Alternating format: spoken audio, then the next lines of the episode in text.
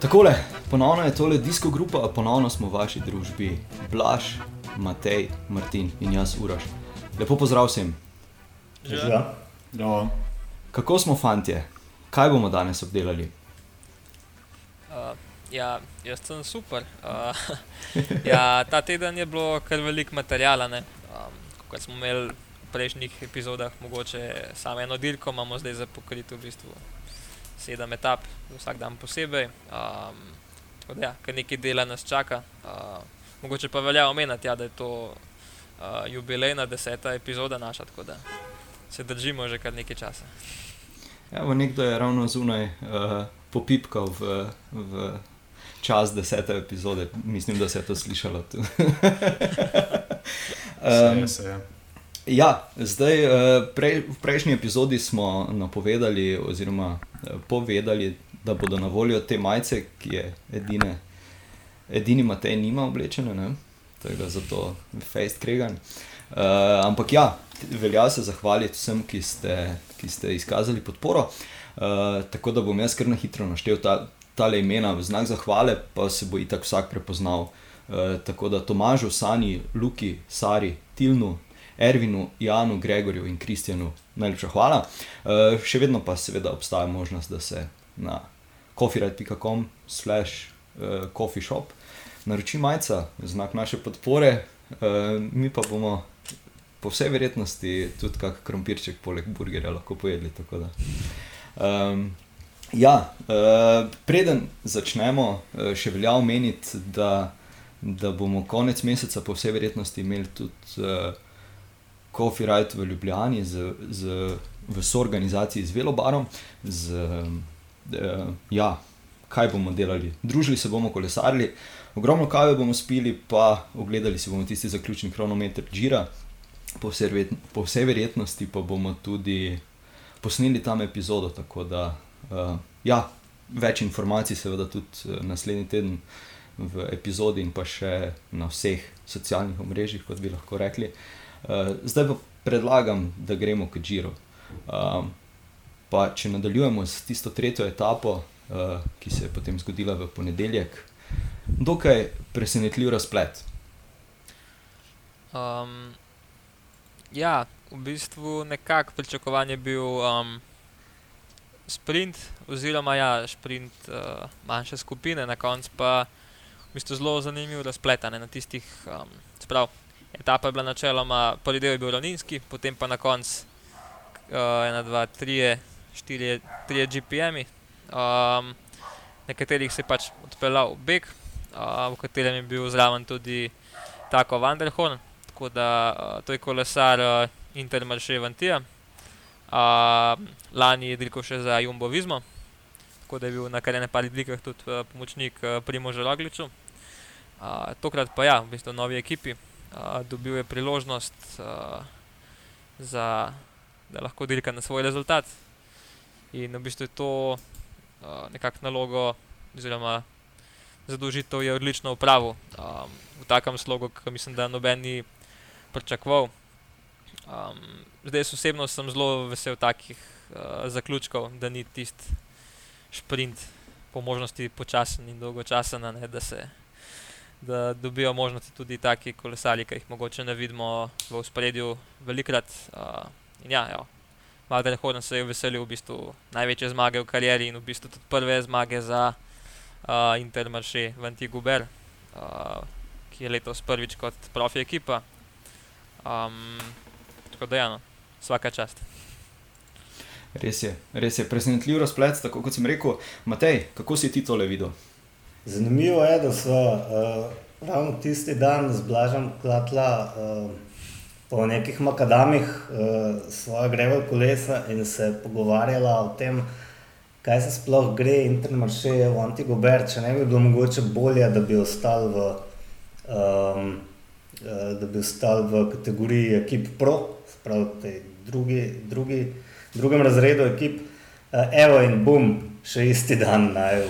Uh, tako Vanderhorn navduš z eno tako res lepo vožnjo, ki je v bistvu pokazala, da um, se splača bežati, da ni nujno, da beg ne bo uspel. Seveda na takih etapah v najbrž 95% primerov ne uspe, tokrat pač je. Um, prvič mislim, da zaradi tega, ker je uh, Vanderhorn vse presenetil, ker je bil res dober. Teh zadnjih, mislim, da je šel kakšnih 90 km uh, pred ciljem, um, Simonom Pelojem sta bila skupaj, sem jo odpeljal. Takrat sem si mislil, da to, to ne bo šlo, ok, poskusi za bupa. Oziroma, še večkrat bom pokazal eh, svoje sponzorje, za katere verjetno večina ne ve, uh, niti kdo so. Um, ampak je enostavno zdržal do konca. Ne? Na roko mu je šlo verjetno tudi to, da so uh, kot Fidis in UAE Emirates, ki so uh, ekipi, ki ste še imeli uh, zraven v tej mečko nazrečeni glavnini, um, torej Vivjanja in uh, Gavirjo, da, niso, da so prepozno začeli vleči. Zdaj, vse skupaj, no, če gremo pa čisto na začetek, je pa Derko naredila Bora Hansgrohe spet, eh, tako kot so že na lanskem džiru, se animirali iz dneva v dan, so tudi tokrat uh, z dosti brutalnim tempom poskrbeli za to, da so uh, boljši šprinterji drug za drugim odpadali in s tem poskušali omogočiti zmago Petru Saganu, kar se potem pač žal ni šlo, da je mera polna, je še David Čimolaj se odpeljal mimo Petra Sagana, ki je bil tako šele, rečemo, šele tretji ne, v etapi. Ok, um, ja, predvsem, kar sem jaz takrat razmišljal, ko sem to gledal, je, uh, kaj, kaj vi menite o njihovih drevesih. Zaradi tega, ker vsakič, ko, ko so na kakšni dirki, mi zgleda, kot da je tisti, ki je v begu, ali pa ko pokaže koga. Uh, kot da ima od, odtrgan biceps, ker ima ravno tam pozicioniran, uh, pozicioniran nek logotip, uh, ki izgleda kot neka bojna rana. Uh, tako da, ja, uh, mogoče še to kasneje obdelamo, Martin, izvoli. Ja, um, ne, tako definitivno je v begu dokazal, da, da se da zmagati z bega. Se strinjam z Matejem, mogoče uh, na turu bi bil skoraj pripričan, da tak beg ne bo uspel na letošnjem Džiru, ki je mogoče zasedba nekoliko drugačna, pa vidimo, da je to kar pogost pojav. Recimo, v tem primeru sicer zmagal sam pred glavnino, um, ampak vsekakor se da. Uh, in ja, bi izpostavil dejansko to, to, ta njegov napor teh zadnjih 9 km, mislim, da je res uh, zanimivo bilo pogledati številke. Koliko vato je dejansko obračal, ker tudi po obrazu sodeč smo videli, on je vozil zaprtimi očmi, z odprtimi usti, res pač uh, dejansko šel je čez sebe. Um, zanimivo je bilo tudi to, da m, tako sploh ni imel pogodbe še pet mesecev nazaj. Um, potem je podpisal za uh, Intermarché Vantigober in pač zmagal. Zmago je ta po zdaj na Džiru in vsekakor um, čestitke, vesel sem za, za takšne kolesarje, ki se pač borijo um, tudi za pogodbe, no, in pol na koncu svoje, svoje dokažejo na, na takšnih dirkah. Kar se tiče pa Bore, pa ja, mislim, da so imeli kar, uh, kar uh, malo. Uh, Ne rečem slabo vest, ker pač so dejansko se res trudili cel dan in tudi Sagan je, je sam se na, na socialnih mrežah um, zapisal v smislu, da, da se pravičuje svojim um, klubskim kolegom, ker so pač res delali cel dan za njega, da pač Bek ne, ne bi uspel, na koncu pa niti on ni mogel v bistvu dobiti tega sprinta, glavnine. Um, ampak ja, to, to drugo mesto je potem vse. Se mi zdi, da bi bila, bila tudi situacija drugačna, če bi pač šlo za, za prvo mesto, ampak to ne bomo nikoli vedeli. Kar se tiče pa Dresov, pa mislim, da so ti, te ekipe drugega ranga, oziroma Pro Tour in pa tudi tiste ekipe, ki pač so no, na novo World Touru.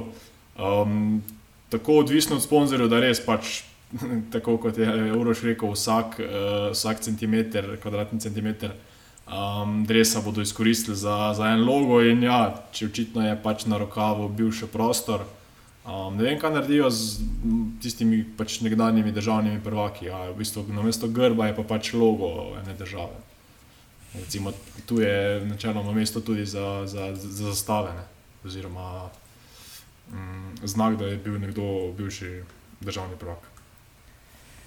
Ja, uh, zdaj sem še enkrat šel pogledat, pa uh, dejansko je oranžne barve, ampak na televiziji izgleda čisto drugačne, mogoče tako kot tisti dresi od uh, Izrael Startup Nation, ki, za katere smo prejšnji teden rekli, da, oziroma je Matej rekel, da mu izgledajo rjavi, so pa v resnici nekako taki bolj uh, vinske barve, za moje pojme. Še, še vedno ne spremenjam svojega Taki. mnenja. Jaz mislim, da sem opazil, da ima Dan Martin odtenek drugačen dres. A je do še do vas opazil? Kot da Pa ima on meni- malo bolj temen kot pa ostali. Meni se je tudi na hitro zdelo danes, pa sem mislil, da je pač taka fotografija. Ne, ker mislim, da tudi komentator, če sem prav slišal, so tudi komentatorji omenjali to zadevo, da je pač lažje ločljiv od ostalih članov ekipe, čeprav to spet ne vem, ali je to po pravilih ali ni, ali je neka marketinška poteza, ampak mislim, da dejansko je. Pa sem mislil, da ima kaj čez, kot brezrokavnik ali kaj podobnega, ampak očitno ima dejansko dres, ki je. Mogoče sam kdo zafrknil odtenek. Uh, Blaž izvoli. Tudi, to je možno. Ja. Um, ja, kar je pa meni bilo zanimivo, uh, drugo mesto tega dneva, ne. Uh, David Čimolaj, se pravi, zmer, ko ima nekdo od outsiderjev tisti dober dan, da odšprinta grupo, pa ima nekako to nesrečo, da je spredi še en obežnik. Uh, tako da ja, nekako David Čimolaj ne spada lih v tisti. Ožji krok favoritov, sicer se letos dobro pele, dvakrat je bil drugi, enkrat deveti, enkrat deseti. Tako da, um, ja, nekako v širši krok favoritov še zmeraj spada, ampak um, nekako se ga drži ta smola, tako kot uh, Giacomo Nicola, ki je bil, mislim, da zdaj vsega skupaj že 11krat drugi uh, in še vedno brez etapne zmage. Um, tako da očitno mu tudi uh, tist, um, tista izjava za prehajanje meje na čeladi ne pomaga kaj dosti. Ja, tako da, ja. Um, kaj pa vi mislite, bo uspel um, Giacomo Nicolo letos zmagati vsaj eno etapo? Kaj pa vem, me- mene je danes presenetilo, ko so, ko so po etapi uh, pokazali, uh, mislim, da iz leta 2015, ko je Grajpel zmagal. Uh, Mislim, da je bil cilj v istem mestu, kakorkoli, pa je tudi takrat bil uh, Giacomo Nicolo drugi, pa je to ravno reporter izpostavil. da Ne vem, ne vem, kaj bi rekel. Pa Nekih uh, posebej možnosti več ne bo imel uh, letos, vse na Giro. No? Uh, tako da. Pa je Ja, še šukal lepe van domov, da ima vse nekoliko manj dela. Ja. No, to sem hotel izpostaviti, ja, eden manj. Ja, zdaj šel je z razlogom domov, ker tudi ni več takšnih etap. Ne? Malo tudi zato, ker se pripravlja na še dve drugi uh, trotedenski, ampak tudi z razlogom je šel Kelep Ivan domov. Um, tako da, ja, glede na konkurenco, bi rekel, da ima večje možnosti, ampak glede na etape, pa mogoče eno ali dve šanse. Ampak tudi, recimo, Elija Vivjani še nima letos zmage na in tudi on bo pač uh, našpičen, sagan. Ja, sprinterji bojo zdaj, kar bojo še imeli, uh, mogli kar izkoristiti. Uh, ja, zdaj ta prvi teden Gira, uh, oziroma jutri, uh, zanimivo, ni prostega dne, ampak je komaj v torek, uh, so zaznamovali odstopi. In v drugi etapi ni štartal Krist. Krist Nilenc iz Izrael Startup Nation, ki pa je padel na poti uh, proti hotelu, ko se je vračal s kolesom, pa si je, mislim, da zlomil. Um, čak, kaj si je že zlomil, za me pa iz glave padlo, vem, mogoče kdo drug. Uh, uh, uh, uh, uh. Kakšna ključnica. Ključnice, ja, jaz, če bi točno mogel to, reči, bi točno rekel to, ja. ključnica, ampak Ja, 90% tako da ja, možnosti. tisto, ti- tisto si je pač zagrenil. Uh, Zagrenil Giro. Uh, tako da, ja. okay, uh, smo še kaj v tej tretji etapi pozabili, ali gremo kar, kar dalje, zaradi tega, ker imam občutek, da, nam, da nas bo čas vseeno priganjal malo. Gremo dalje. Okay. Okay. Dale, čeprav smo gotovi, kaj pozabili. Definitivno, Če definitivno. Uh, četrta etapa, ja. Uh, tudi tu uh, je vseeno presenetil Joe Dombrovski uh, s svojo vožnjo, vsaj mene. Uh, ja, Martin, ne, Blaž, izvoli, Blaž, ja, pardon. Um, ja, no, tukaj v bistvu um, Dobravski je nekako en tistih kolesarjev, ki so velikrat zraven, ampak uh, jim zmeraj tista, kako bi rekel, pikca manjka, da, da bi usvojila zmago na koncu, ne vsaj etapno. Um, tokrat pa ja, se mu je poklopil. No. Um, njega, on je bil doskrat v raznih pobegih zraven, tudi na teh največjih dirkah, ampak na, nikoli ni bil tisti najmočnejši. Tokrat pa s tistim napadom um, se je pa nekako res, um, mislim, še 2 km pa pol na koncu solo. Um, je pa pokazal res eno dobro vožnjo in uh, ja, evo, prva zmaga za UAE na tej dirki. Um, kar bi pa v tej etapi bo treba še izpostaviti, seveda, uh, bojo pa še ostali povedali, ampak predvsem uh, Jana Tratnika s petim mestom. Uh, v bistvu je bil zelo blizu, zelo dobro se je pel. Um, na koncu pa ja, žal tisto, večkrat je zmanjkalo, ampak kako koli, to sploh ni važno. Um, čez mer, odlična vožnja. Uh, etapo je pa predvsem zaznamovalo ja, zelo slabo vreme, um, ki je botrovalo tudi na koncu selekcije da je nekdo, eh, ki smo ga označili za favorita, kasiral pet minut. Uh, Martin, izvoli. ja, um, to je bila ena tistih um, klasičnih etap Džira, mrzlo, deževno vreme. Um, velik beg, mislim, da je okoli 25 kolesarjev, um, je bilo v begu, um, med njimi tu se je, že za to etapo smo tudi mi prejšnji teden napovedali, da, da bi se znala. Roza Majca zamenjati lasnika, Um, Nelson Oliveira je bil v tem begu v bistvu najbolje postavljen uh, iz generalne razvrstitve. Potem pa, ja, potem pa je ta beg nekako se malce začel trgati. Um, Dobrovski in Demarki sta v bistvu šla loviti uh, Renta uh, Taramaja, ki je bil že pač prej iz bega, uh, se je od, um, odcepil in nekje 5 km do cilja se sta ona dva v bistvu potem šla za njim, uh, ga tudi kar hitro ujela. In nekje tam 3 km do konca, potem Dombrovski napade še Demarkija. Um, tu me je recimo presenetilo tudi v tem smislu, da pač, če bi bila, tu se je že vedel, da Demarki bo verjetno uh, dobil roza majico. Um, nek džentlmenski dogovor je tu včasih, da se pač skupaj pripeljeta do cilja, ker ima ta več možnosti. Uh, ali Dombrovski šel sam po majico, to, to je tudi ena možnost, ker tudi ni tako velike razlike, mislim, da je bilo na koncu 10 sekund med njima razlike.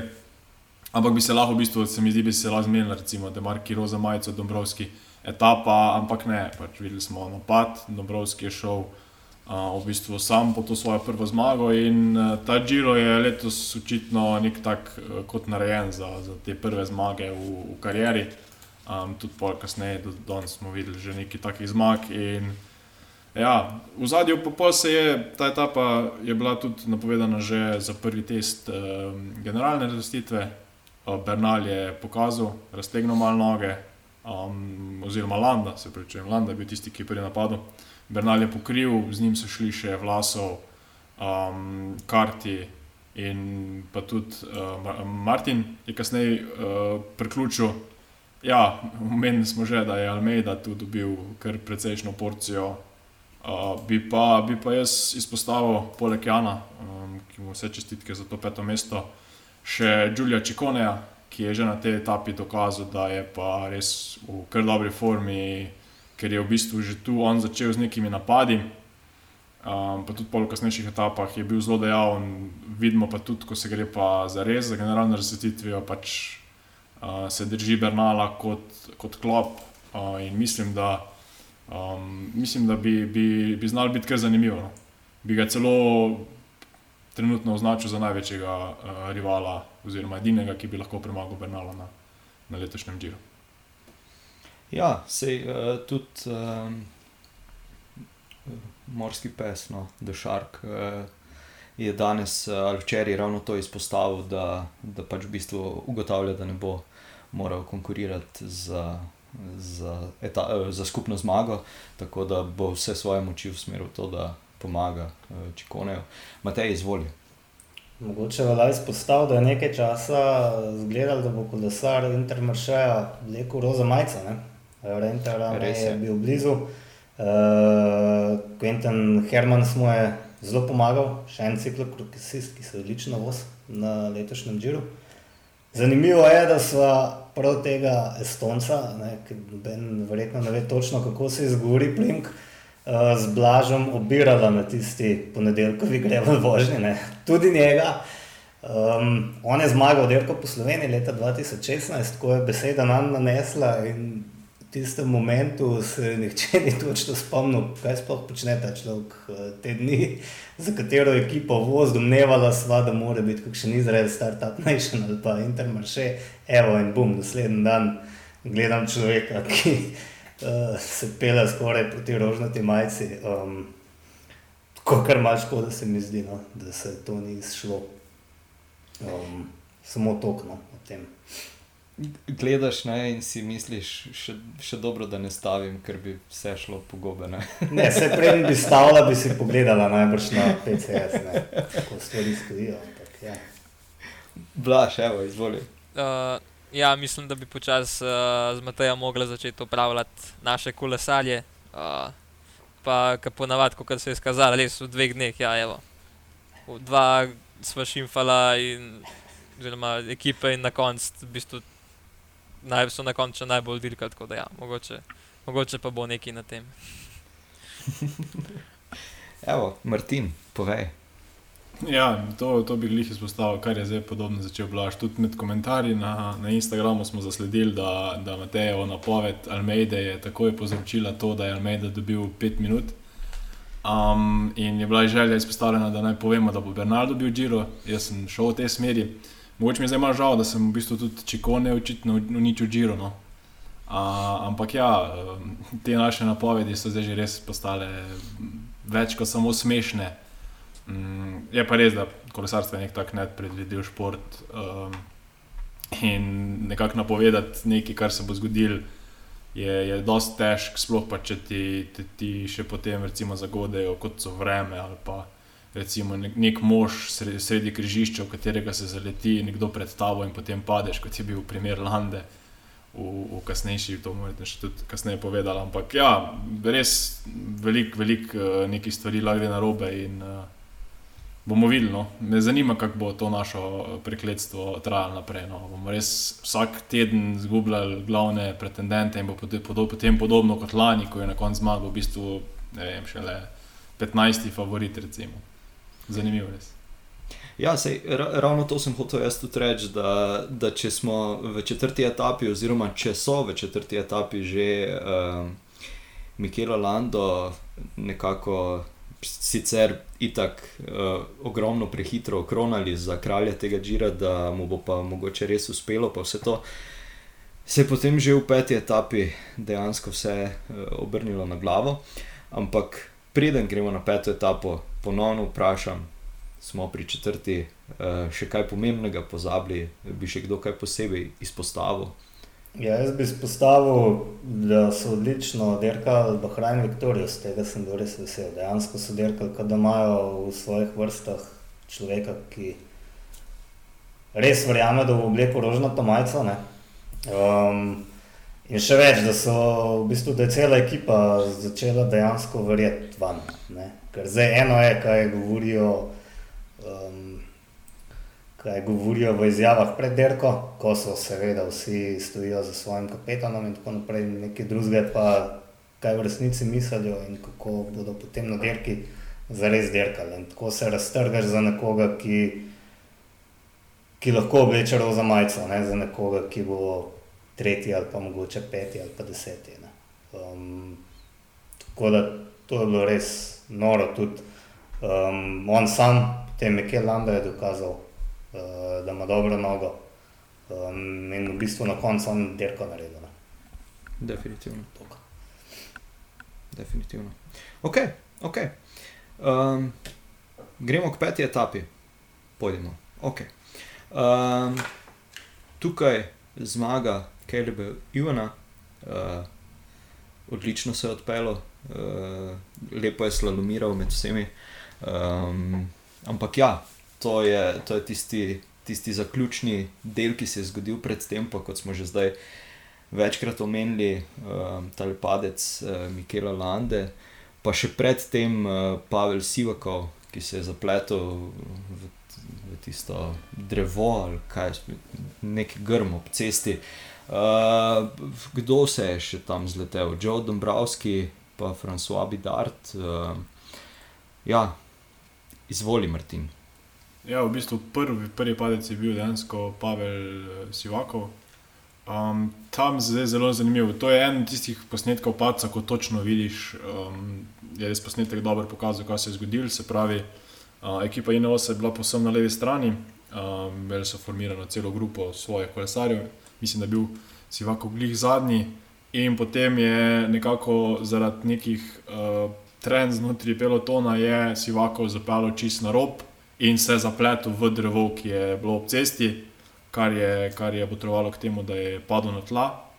Uh, sicer je nadaljeval, mislim, da je dobil nekje 30 minut uh, za, za glavnino, ampak uh, pač tudi pol pregledi pa to so pokazali spet zdobljeno ključnico, kdo bi si mislil, um, da je pač enostavno um, odpadel iz te dirke, še en, ki bi ga lahko tam, vsaj med top 10 uh, na koncu našel. Potem pa v bistvu to je bilo nekje na 15 km, mislim, da je dosti blizu zaključka. Um, potem pa še 5 km pred ciljem, ja, to, kar sem že prej nekako malo omenil, uh, ta prizor z, z trčenjem v, ne vem, kako se sploh temu, temu usmerjevalcu prometa, kako se temu reče, človek, ki stoji, aha, redar, v bistvu, ja, pred, uh, pred nekim otokom na cesti. Uh, njegova glavna naloga je, da usmerja peloton stran od tega otoka. In tukaj se je zgodilo ravno to, da je, da je en od kolesarjev trčil njega. Uh, zdaj ne vem, ali je bil to dejansko prav Mikel Landa iz tega posnetka, to nekako ni bilo najbolj razvidno. Ampak ja, na tleh so se znašli poleg tega redarja tudi uh, Mikel Landa, Joe Dombrovski. Um, in Landa je že kar tako na začetku kazal zelo slabe znake. Dombrovski mislim, da se je potem relativno hitro pobral, uh, Landa pa ni kazal nekih znakov, da bi, da bi še lahko karkoli uh, bilo od njega. In ja, pa smo videli kasneje tudi celo ekipo Bahrajna, ki je poklopano prišla v, v cilj in tu, tu bi se strinjal z Matejem. No. Dejansko ne samo, da so športni direktori govorili, kot da je Landa v, v res dobri formi, tudi, tudi eh, Matej, sam in Jan sta zapisala. Na socialnih omrežjih češ, da, da je res žal, da, res, da sta res bila pripravljena garati za njega in verjela, da, da končno bi pa lahko tudi njemu nekaj uspel. Ampak ja, kolesarstvo je kruč šport in uh, Landa se je znašel na tleh. Ne vemo pa, je bil v bistvu kriv sam ali je bilo res, da je nekdo pred njim padel. E, vsaj jaz nisem tega videl iz, iz, iz posnetkov. Um, ja, Blaž, uh, povej, še ti, kako si um, to videl. Ja, kar se tiče tega paca Pavla Sivakova, ne, tukaj je težava točno to, da je v bistvu peloton neka živa tvorba. To, to, tukaj ni neke fiksne pozicije, na kateri se boš ti vse čas pel. Razen če je to načelo skupine, ampak pač to ni, ni pol ekonomično. Ne? Ampak če si pa ti peleš nekje znotraj skupine, moč pa ti v bistvu to pozicijo vse čas popravljati, ker gre že sama grupa se oblika spremenja, glede na hitrost, glede na pač, širino ceste, glede na razne količke in podobne zadeve. Um, tako da tukaj do nekih dotikov bo vedno prihajalo, sploh recimo v samih zaključkih. Doskrat vidimo, da se kolesari kar naslanjajo drug na drugega, mi grede, da ni noč, ampak um, ja, vsake to čase se pa zgodi tudi kakšen tak neljub dogodek in ja, tukaj sem imel v bistvu na koncu spora. Ta padec ima take posledice, da je nažalost Civako mogel domov. Um, kar se pa tiče tega paca Lande, ja, te um, redari, kako se jim reče, no, so pa bili v preteklosti že kar na udaru večkrat. Zgodilo se je tudi, že, da se je redar v zadnjem momentu omaknil, ker ga je skoraj izbil uh, avto Astane, ki je spregledal uh, pač redarja in je v zadnjem momentu odskočil.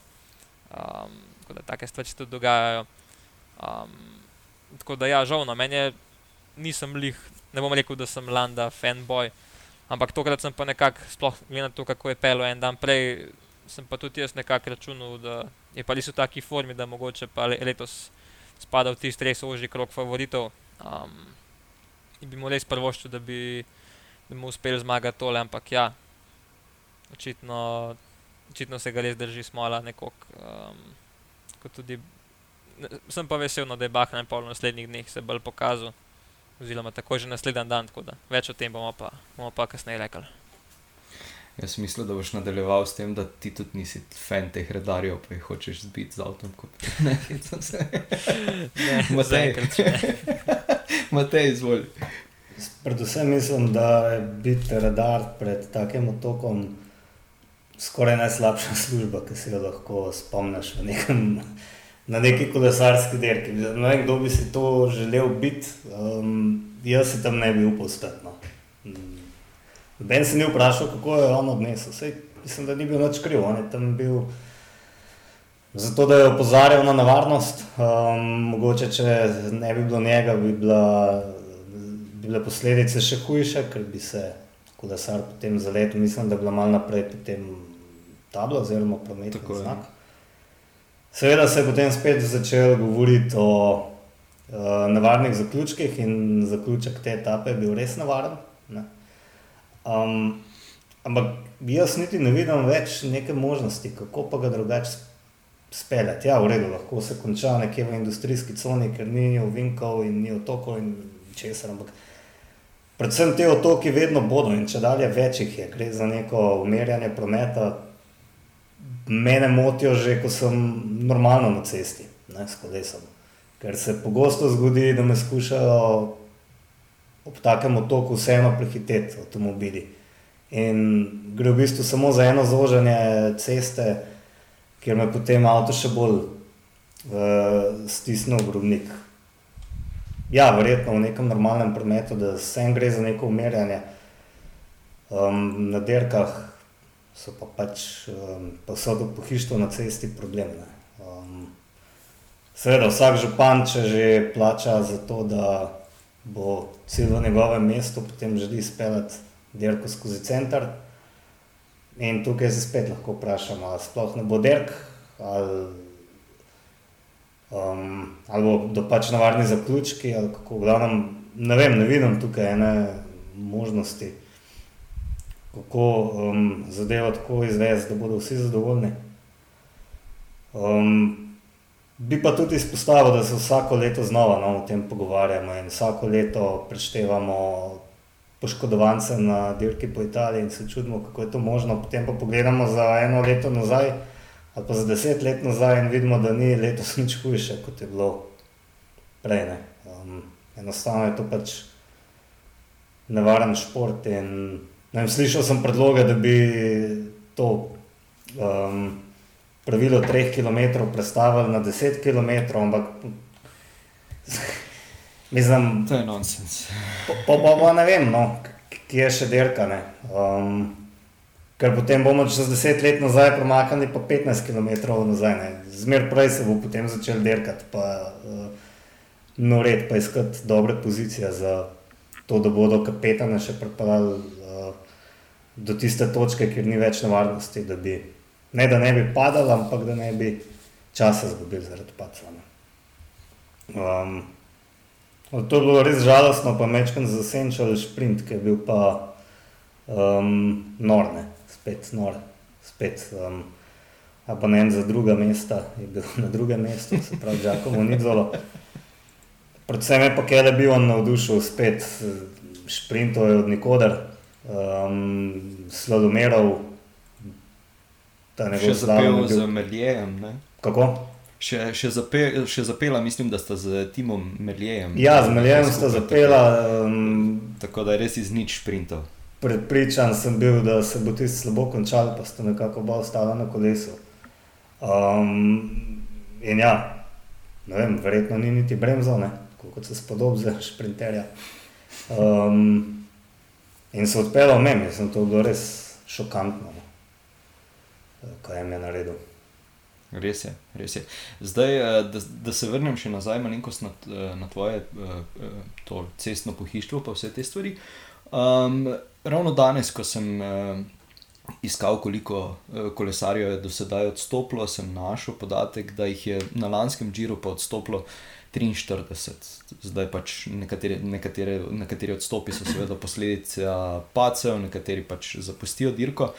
Um, Plus še to, da mi je zanimivo, da pa recimo tukaj na dirki po Italiji uh, ni, um, ni enakih eh, cestnih oznak, kot, je, kot so recimo bile na uh, Liež, Baston Liež. Mislim, da je takrat bilo ravno to izpostavljeno, da je nek njihov uh, uh, fant uh, nekako razmislil v to smer, oziroma uh, inoviran na, na tem področju, da, da dela te svetlobne znake, ki opozarjajo na nevarnosti.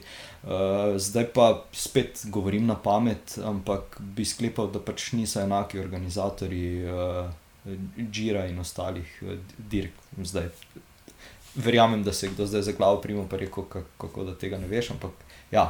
uh, ok, Martin, izvoli. Ja, ena stvar v tem sprintu tu bi še jaz izpostavil, to je Matej nekaj načel, se pravi ta, um, ta dvoboj, Merlier um, in pa Ivan.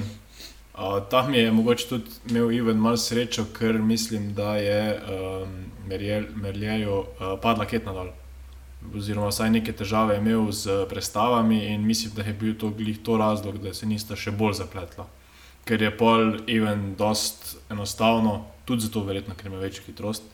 Ampak dosta enostavno je prišel pred njega in potem samo še, samo še do cilja. Ampak ja, um, nosilec uh, čiklamino majice, v bistvu Merlje je imel malo smole v tem zaključku. In, um, in tam jaz tudi, tudi sam sem bil mnenja, da, da se bo tam en padec zgodil. Ampak na srečo se je vse skupaj dobro končal, Merlje potem pač ni, ni več printil do konca. Um, je pa je bil pa dosti zanimiv sprint, ker je recimo Nicolo je prišel povsem iz leve strani, um, medtem ko pa je Ivan, tak, tako kot je uh, rekel Matej, od nikoder prišel res spet njegov značilen slalom, uh, na koncu tudi mim uh, Vivijanja in Nicola in dosti prepričljiva zmaga. No. Uh, in mislim, že večkrat sem izpostavil to, to, da v takšnem sprintu, ko je res dost, dost, um, dost dolga ravnina, da ni nekih um, takšnih postavitev, da, da te lidauti lahko res pripeljejo šprinterje v, v čisti zaključek, sta, sta on in Bennett, saj za me pač pred, pred vsemi. Um, in zato, zato mi je res zanimivo, no, kako se recimo Bennett se ponadi bolj zanaša na, na nek vlak. Vemo, da Quickstep ima kar precej močno ekipo, medtem ko Ivan skoraj da praviloma vedno mora iskati neke, neke zaveznike ali se priklopiti na drug uh, lead-out vlak ali pa tako slalomirati mimo, mimo ostalih uh, konkurentov za zmago. Okay. Matej, ja, jaz mislim, da je šel ni zelo tako na zihar po levi strani, tam kjer je bilo fraj. Jaz bi šel tudi tam, če bi bil v tem položaju, ampak to pač pomeni, da ni imel nobenega zavetrja. Um, Ivan je bil še vedno kljub temu vse čas nekje v zavetrju in je tudi zaradi tega lahko verjetno toliko večjo moč razvil, um, kot na koncu nizolo, ne? kljub temu, da je bil nizolo že daleč pred njim. Je pa mogoče izpostaviti še to, to smo se že zadnjič pogovarjali, da tukaj se spet videl, da sploh ni nekih lead avtov resnih. Vsak ima nekega lead avta, ampak to je bilo razbito po celi cesti. Mislim, ni bilo enega kolesarja, ki bi sledil svojemu lead avtu, ampak je bil lead out, pa potem dva vmes, pa potem njegov kolesar. Bi sem totalno zmedel, vmes je še eh, ta čist sprednja, um, sprednji del skupine raztrgal, ko je vmes nastala kar velika luknja zadaj, ostal Grunevegan. Um, tako da res taki brutalno, um, brutalno um, kako se temu reče, kaotični sprinti, kjer le, ne ve se, kdo pije, kdo plača, in na koncu mora biti vsak čim bolj iznajdljiv in v tem se očitno pač Ivo najboljš, uh, najbolj znajde, ne? vse to že vemo. Um, Medtem ko Petr Sagan pa zanimivo, je bil tudi znan po tem, da se je znal preklopiti letos, pa mu, kot vidimo, tudi na Džiru ne gre, ne, čist po načrtih. Četrti je bil v tej etapi in grede. Uh, ja, zdaj, uh, po moje je, je razlaga tudi v tem, spet, če se, če se navežem na tvoj, na tvoj prejšnji komentar. Uh, tista zožanja po centru mesta so, po mojem, dosti pripomogla k temu, da pač, mislim, tam, če, če, ja, če bi tam želeli vsi priti uh, na, na čelo glavnine, pa ustvariti neki vlak, bi to, bi to v bistvu pomenilo skoraj že kot tak uh, polovičen napad uh, celotnega pelotona, če bi se jih šest uh, postavilo na, na, na čelo skupine. Ampak ja, Martin, povej. Ja, zdaj ta sprint je bil nek zelo specifičen. Uh, tudi to, to stvar smo, mislim, da v, v našem pogovoru omenjali, uh, spet uh, taktiko ekipe VOE. Spet mislim, da je bil Molano tam uh, bolj za napoto, kot pa v korist. Uh, mislim, da je takrat bilo, ko sta v bistvu kar naenkrat dva lida avta odpeljala in potem se sploh ni, ni vedel, kaj se bo zgodilo. In tam mislim, da je prva skočila celo. Zadnji, zadnji lid avt je bil v bistvu mislim, da Simone Konsoni uh, za ekipo Kofidis, uh, pomočnik uh, uh, Vivianja. In takrat je kar naenkrat so pač oni prišli na, naprej, uh, potem pa ja, kasneje Nicolo iz leve in pa Kelly Pivan med, med vsemi nekako najdu pot in do zmage. So mi pa ti šprinti mogoče bolj zanimivi kot pa vlak ekipe. Um, Dekoni Quick Step, ki pride do zadnjih 3 km z petimi kolesarji in potem en pa po en vlečejo tistih 400 metrov, 500 in potem na koncu eden od njihovih šprinterjev zmaga, kar smo v zadnjih letih kar doskrat videli. Mogoče preden se naprej premaknemo, ker že dosti tega šprinta, sem se jaz spomnil, uh, da je Molano tam res bil popolnoma zgubljen, gledal je levo, desno, kje ima zdaj ga virijo, po mojem, je bilo grozno strah, da bo še enkrat se zgodil nekaj takega, kot v tistem sprintu, ko je porinil uh, svojega lastnega sprinterja v grado. Uh, to je tako res gledal, kot da ga je kar mal strah in je tam preveril in vse je zabremzal s tem. Zdaj pa mogoče, vsaj, da se naprej premaknemo. E, ravno o tem sem razmišljal, da, da, da smo vsi tako navdušeni nad tem sprintom. Da... e, okay. V šesti etapi e, je ponovno uspelo e, Begu, e, kar, se, kar se dejansko e, zanimivo v tem prvem tednu, kar, kar veliko krat se je Begu posrečilo, da je, da je prišel do cilja. E, ampak preden pridemo do cilja je definitivno vse, ponovno celotni internet eh, najbolj eh, šokiralo ali pa razumelo. Eh, Raznev avto, oziroma voznik uh, avta, Bike Exchange, ki je zbil Petra Serija uh, tam na tistem klancu. Uh, ve mogoče kdo podrobnosti, zakaj je do tega prišlo? Blaž, izvolite. Um, ja, zdaj, ko sem jaz uh, ujel iz tistega posnetka.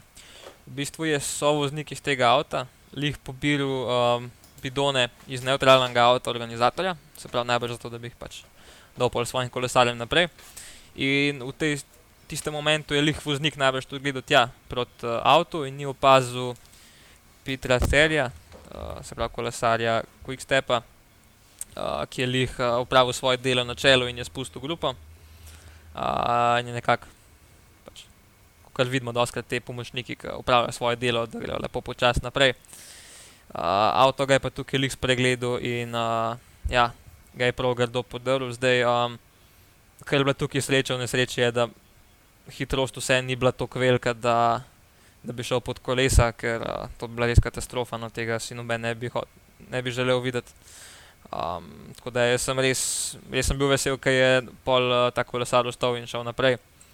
Um, športnega direktorja, pa kot sem razbral, so poslali domov. Um, zdaj, ja, um, z vidika, tudi sam, recimo, na vidika, ki spremljam fante, um, mogoče ne zgleda, ampak uh, zadnji v avtih, torej športni direktori, um, so, pa to ni zdaj izgovor, kako koli, ampak um, pač to, kar se je zgodilo, ni tako pravičljivo, ampak uh, tukaj to so tudi športni direktori zadnji, pre, predvsej pod stresom. Se pravi, ko se spredi v grupi, dogaja vse živo, se tudi zadnji med avti prav tako, ker eni kolesari spuščajo grupo, eni so padali, pa lovijo vmes med avti. Um, ne vem, je zožanje, pa se pol tudi avti zadnji ustavijo. Se pravi, tukaj ta, ki je voznik, mora biti res skoncentriran 100% samo na cesto. In naš drugega, zato sta zmeraj dva športna direktorja, eden je pač ta voznik, drugi je pa zraven, ki dela ostale stvari, se pravi, da je gele, da je napotke, kako koli. uh, voznik je pa tukaj res samo za voziti in nič drugega, tukaj je bila tisti res trenutek najpozornosti in pač zgodila se je, se je tragedija, nažalost. In, um, um, ja, zanimivo tudi uh, en dan prej so. Um, Je športni direktor Asos Kubeke razbil avto. Um, in pa še dan kasneje, potem, po tej etapi, je uh, avto Jumbo Vizme spregledal konvoj vozil, ki se, ki se je ustavil in se je zaletel v avto, mislim, da ekipe DSM. Um, tako da, ja, tudi zadnji med avtomobili se je letos dogajalo vse živo. In, um, ja. Žal, no, jaz upam, ja. da, da se bo to zdaj počasi končalo.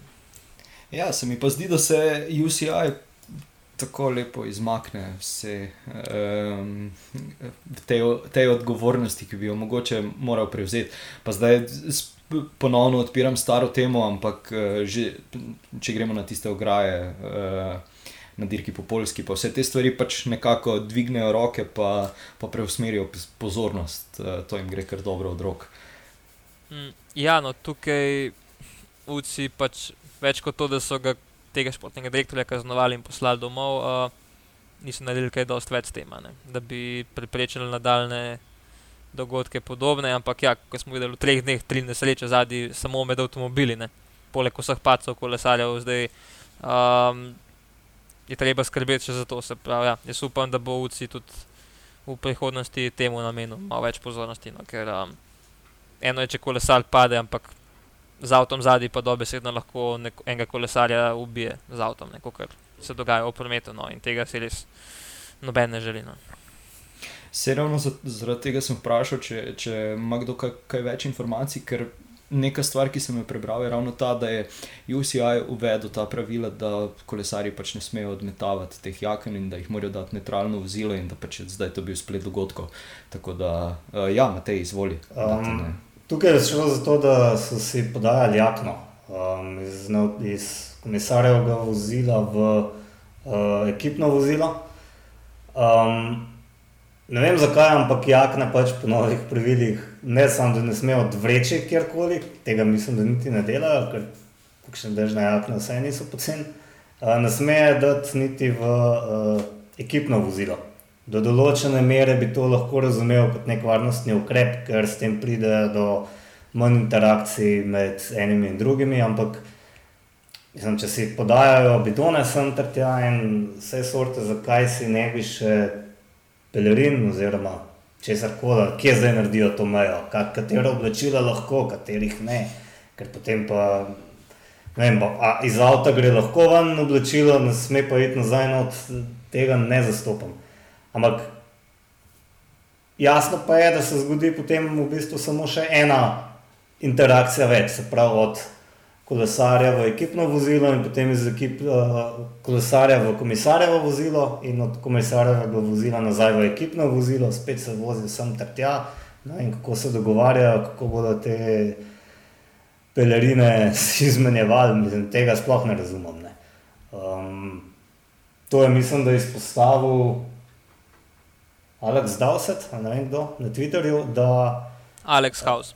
Alex House, um, da je pač tukaj prišlo sam, da je bila to pač neka posredna posledica tega novega pravila. Zdaj, ja, res je, ampak na koncu to ne upravičuje dejstva, da voznik, ki je tam zato, da pač vozi, ni gledal na cesto. Ne. Zato sta dva. Na nižjih rangiranih dirkah, v manjših ekipah, pa navadi športni direktor vozi in misli, tukaj sta dva v avtu, zato da eden misli, drugi vozi. Da, če malo grdo se izrazim. No. Um. Ja, Blaž, izvoli, uh, ti si želel še nekaj reči. Um, ja, no, zdaj, ko smo obdelali vozni park, bi se lahko tudi uh, dotaknili, uh, kaj se je dogajalo uh, spredi uh, med kolesarji. Uh, ja, v bistvu pobeg dneva, uh, v katerem je bil določen tudi na koncu zmagovalec, uh, sicer Gino Medel. Uh, to je tisti kolesar, ki ga je takrat Roglič uh, zlobno prehitev na koncu uh, na dirki Pariz-Nica. Uh, tokrat mu je pa ja uspelo držati tistih 12 sekund na koncu za, za etapno zmago in sem mu to res prvoščil že takrat ko, takrat, ko ga je Roglič ujel. Um, na tisti etapi Parižnice, uh, se v bistvu nisem kaj dosti sekiral, ker sem vedel, da je tak en tipih tistih kolesarjev, kot kar recimo Mark Hirsch, uh, ki mu je potem pogačal takrat ukradel zmago. Se pravi, če probavaš in probavaš, pa si vedno zraven na koncu, enkrat si ti bo poklopila. Ne? In v bistvu on je en teh kolesarjev, ki pač bo probaval to, kar da ne rata in evo, tokrat mu je uspelo sicer. Lik za glih, ampak očitno je tole stvar precej bolj skalkulirano kot zadnjič in evo, se veseli etapne zmage, uh, sploh po mogoče šoku, ki ga je doživel en dan prej, ko je njegov kapetan odstopil, tokrat pa ja. Um, se je Bahrain lahko veselil in v bistvu zaenkrat iz te dirke, iz tega džila so potegnili že kar velika. Ne. Tudi uh, Damjano Karuzo se še zmeraj drži v solidni deseterici, uh, tako da ja, mislim, da so lahko kar zadovoljni zaenkrat kljub vsemu s to dirko. Predvsem večkrat je pogledal nazaj, kot pa na tisti etapi, pa resnice. Po mojem, da se je. Slabe izkušnje.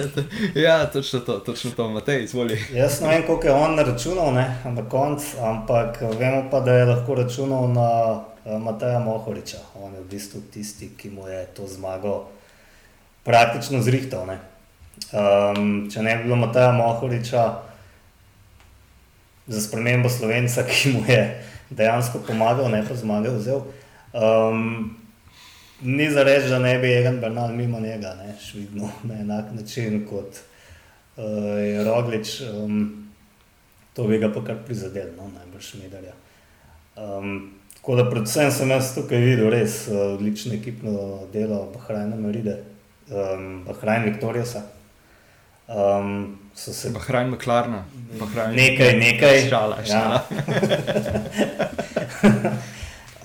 um, po mojem, da je bil tudi Landa tam iz bolnice, kar vesel, no? da so fanti uh, se dokazali in na vse zadnje že rešili, rešili žiro, no? že s to zmago. In kot je uh, Blaž rekel, se Damjano Karuzo tudi pele tako kar šokantno dobro. On, mislim, da kar bo v deset na koncu. No? Martin, povej. Ja, je, tudi, tudi jaz sem bil v bistvu vesel te, te, tega odziva ekipe Bahrajna na, na London odstop. Mohorič je res odlično delo upravljal um, na tej etapi, poskrbel, da se je ta začetni beg, ki je bil najprej šesterica, razrečil na štiri in potem 13 km do cilja nekako oddelal svoje delo in prepustil uh, Medvedju, da sam zaključi. Tudi komentatorja sta v bistvu omenjala uh, in mislim, da vsi, ko smo gledali, smo sam pričakovali, nismo niti vedeli čisto točno teh. V teh klancih, na, mislim, v teh zaključkih na klanc nikoli ne veš čisto točno, koliko ima kolesar do cilja, ne kje je, kje je glavnina. In mislim, da smo sam čakali vsi nek podoben razplet, kot je bil pa na dirki Paris Nica, ampak mislim, da je tokrat predvsem Medved zgledal nekoliko boljši ker takrat, ko se je Primož uh, odpeljal mimo njega, je izgledal dosti podobno kot smo videli danes. Um, Medtem ko pa je Medved takrat vseeno izgledal bolje, čeprav tudi, ko je prišel čez cilj, v bistvu niti rok ni mogel dvigniti v, v znak um, zmage, ampak je kar hiter uh, prijel za krmilo, da, da si ne bi slučajno kakšne. Sramoten naredil izpostavil bi še pa eno stvar, ki se je dogajala v zadju in to je uh, Ineosovo narekovanje tempa uh, se mi zdi, da so kar spominjali na tisto uh, Skyjevo dominanco izpred par let in izgledali res kot neka ekipna vožnja um, na čas, ker so res um, kar precej izbili tisto razliko in tudi pač poskrbeli, da, da Meder ni glih mirno peljo in tako je imate rekel, pogledaj tu pa tam nazaj, kdo pride danes. Mi mene in ja, na, na, na njegovo srečo ni, se to ni zgodilo, in tudi jaz sem oproščil to zmago um, pa tudi Matejo, da, da se je počutil dobro in upam, da bo še zdaj v čim prej um, se tudi uh, nekako spostavil nazaj na noge in mu želim čim hitrejše okrevanje. Kulsko. Blaž, izvoli. Ja, pa seveda ne smemo pozabiti na nekakšno um, presenečenje dneva. Ne? Um, nek random mačar prevzame roza majico. Um, Sicer mogoče ni vse ni tako random, uh, za tiste, ki morda malo bolj poznajo v 23 kolesarstvo. Um, ja, Atila Vartel v Roza Majici, Um, lahko omenimo, da je star 22 let, se pravi, pogačarjev letnik. Um, je dosegel že kar nekaj lepih rezultatov, med drugim tudi etapo na Dilki Polovinilju, uh, kjer je dosegel tisto res um, zmago na klanc, taka huda etapa, kjer je premagal tudi Tobiasa Fosa, ki je kasneje zmagal tudi Dilko. Um, jaz se njega spomnim, recimo, ko je dirkal leta 2018 še za ekipo Panon, torej mačarska kontinentalna ekipa. Smo dirkali v, uh, v Avstriji, torej Avstrijska liga, Bundesliga. Takrat um, se ga spomnim, je bil že takrat precej močen, velik del je opravil na, na čelu. Uh, takrat. Uh, tako da, ja, no, meni je to so nekako bombončki teh velikih dirk, um, te nekakšne outsideri, ki prevzamejo majico vodilanga, kot jo je par let nazaj imel tudi Polanc na Džiru. Um, ne vem, jaz take stvari zmeraj rad vidim. Um, čeprav nekako nima lih možnosti za zmago na koncu, ampak um, nekako za deseterico pa bi znalo biti dovolj, oziroma bi mu zelo privoščil, če, če mu to uspe. Kulsko. Eh, še en fun fact, uh, da se je skoraj znašel v, v Bahrajnu. Tako da, uh, ja, zanimivo. Matej, izvoli. Ja, on se je tako malo prikradel do te rožnate majice, kar seveda ne zmanjšuje uh, tega uspeha, nikakor ne. Um, Mogoče bi tukaj uh, omenil no, še to, da se je na koncu pač razvil boj, za, uh, boj med favoriti za skupno zmago, uh, kjer je Bernal deloval res odlično. Um, Dan Martin me, ne vem, mene on zmeri preseneča, čeprav vemo, da je dober, ampak vsakeč, ko ostane zraven, ne vem, mogoče zaradi same pojave, ki uh, je mogoče malo nenavadna, vsakeč preseneča, da je zraven. Kot me preseneča, vsakeč, če je zraven Hugh Carty, to, kar je sicer par sekund dobil. Ne. Um, Remko Evenapol se je zraven držal, ni pa Mendelov um, preveč dober. Deloval je kot nekdo, ki pač to lahko drži, ampak eh, ne bi pa mogel napast. Je pa zanimivo, da on pač je vse čas enak videti, tako da je težko, težko oceniti. Pa mogoče ne vem, kaj so delali eh, Treksega Fredo z Julijem Čikonajem, ki zdaj, kot vemo, je postal um, voditelj ekipe. Uh, on je 50 km do cilja um, že pobegnil, Um, ne vem, s kom je točno že bil tam, sem večkrat pozabil zdaj. Vem, da je bil zraven Alberto Betiol in deloval, kot da hoče iti uh, do konca, pa so ga potem nazaj poklicali, pa zgubljal neko energijo in potem sem prišel um, samo dve sekundi za Bernalom, Martinom in ne vem, polom v cel in si mislim, da že takrat pač učvrstil neko vlogo. Liderja, zdaj ne vem, takrat je bil v generalnem, ja, že na osmem mestu. Um, tako da me res uh, zanima, dokaj lahko on prileze. V, deset bo kar zagotovo ostal.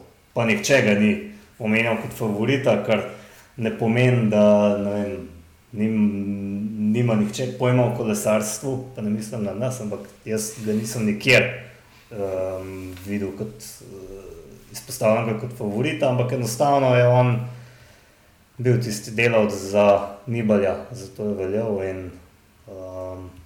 bi mu zdaj res prvoščil. No, pokaže. Nekaj je pa škoda, ker je izgubil neko energijo do zdaj, ki bi jo pa mogoče tudi kakšno sekundo izgubil, ki bi mu na koncu prav prišla. Ne. Definitivno. Definitivno.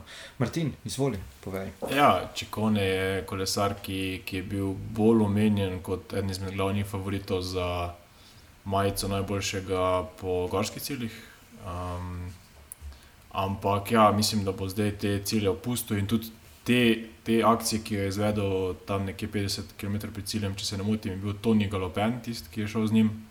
Um, ampak, um, ampak ja, te, to, te stvari upam, da se zdaj ne bodo več dogajale, ker on je tu um, zdaj le bolj za, za generalno in mislim, da bo bolj v kakšnih zaključkih etap še poskušal s kakšnim skokom.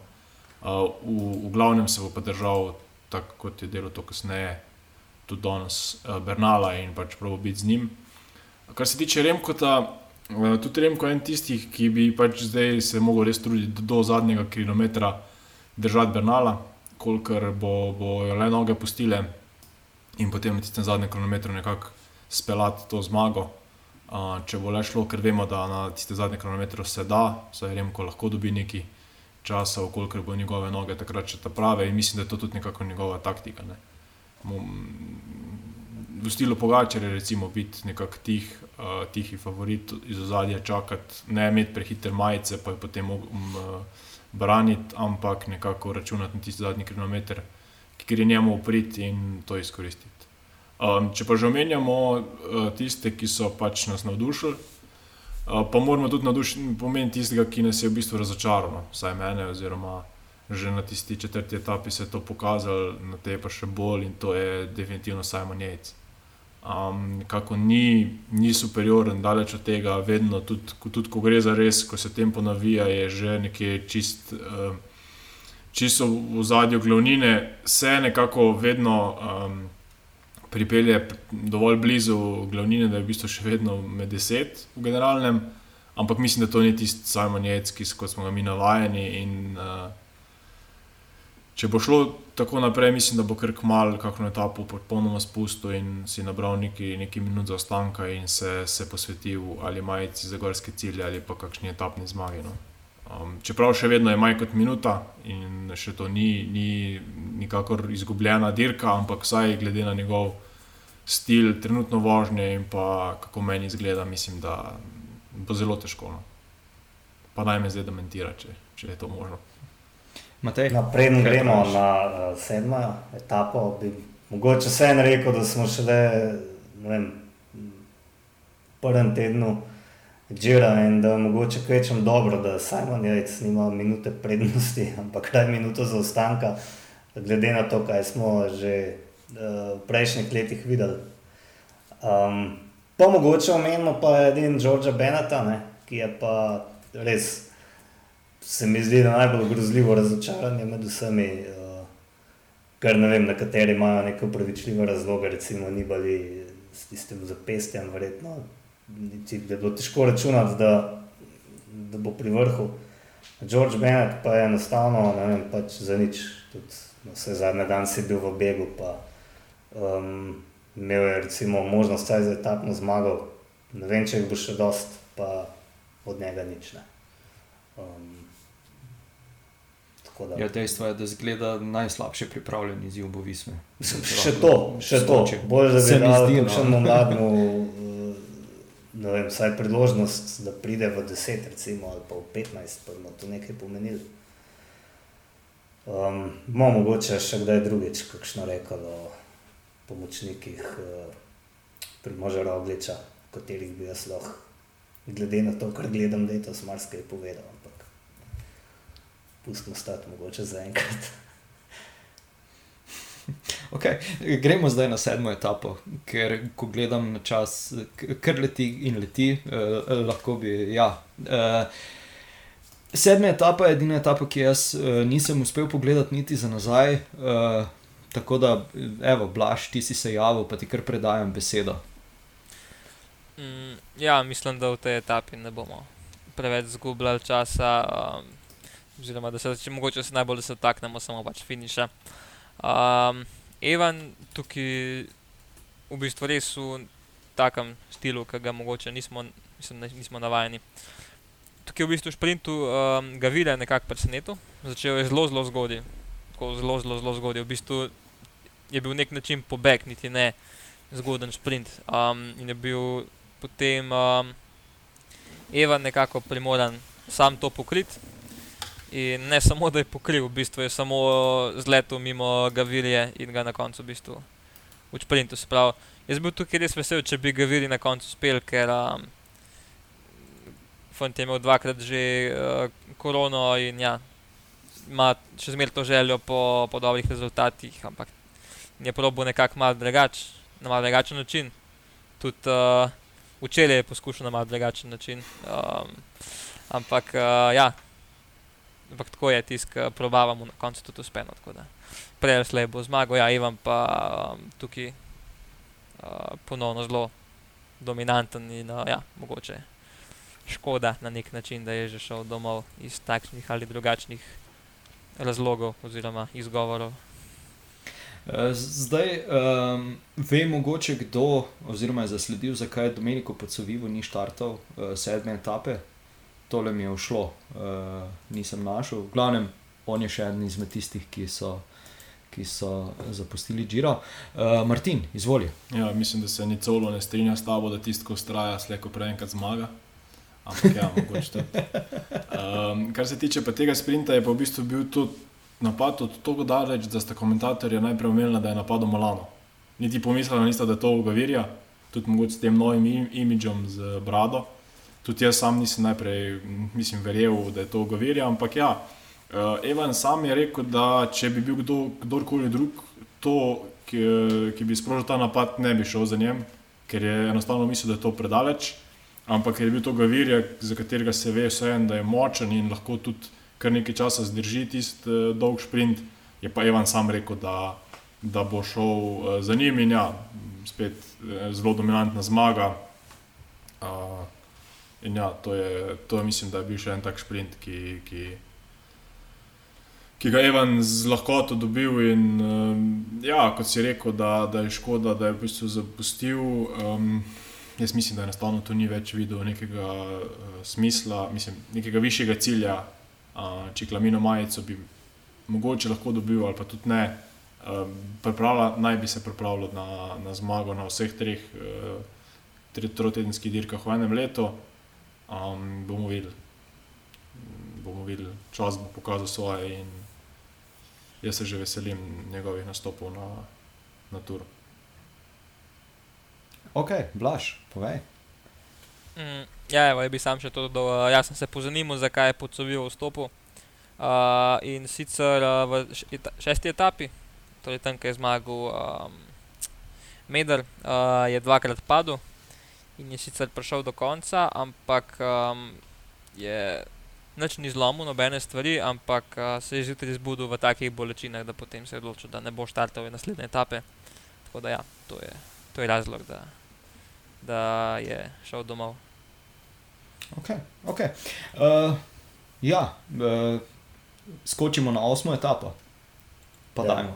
Pa dajmo. Uh, okay, tudi tu se je uh, posrečilo Begu, uh, Viktor Lafay uh, je zmagal.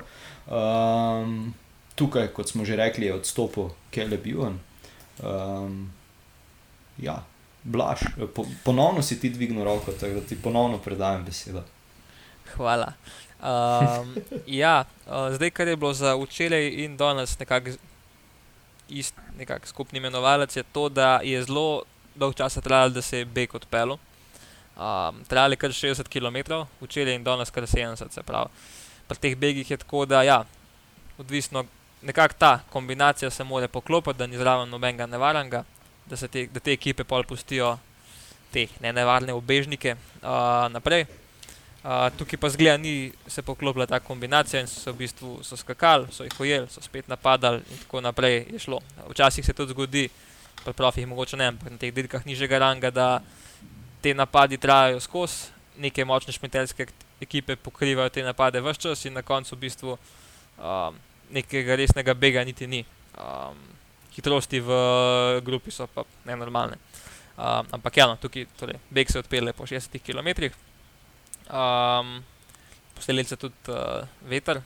Uh, kar pa je tukaj zanimivo, ne, uh, Viktor Kampenarc nekako je zamudil ta beg in sicer je nepisano pravilo, da ko se beg odpele, ta, ta zaresen, se ga nekako ne, da se ne pol kolesali ne probajo več seliti, tokrat je on to nenapisano pravilo prekršil in se je nekako uh, sam po 10-minutnem begu pri uh, 450 vatih, sem zasledil ta podatek, uh, se je mogel kar pomatrati, da je ujel ta pobeg.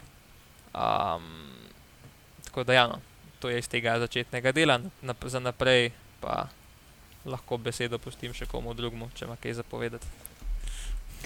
Uh, ja, predvsem je tu uh, temu Francesku Gavaciju, ki je na drugem mestu potem bil iz Eolo Komete, dokaj dobro kazalo, da bi pa mogoče tudi on uh, posegel po etapni zmagi. Martin, kako si ti videl vse te stvari? Ja, Preden gremo na, na sam zaključek razplet, bi še omenil, dogodek med spustom, nekje 40 km do cilja, ko je Gavirja napadel v Begu um, in padel.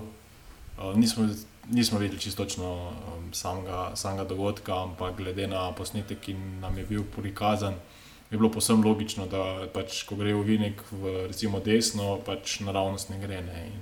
Tam je bila ograja, Gavirja, mislim, da se je kar za leto na srečo ostal na cesti. Ne. Tam smo, vsaj za mene, bilo kar precej nevarno.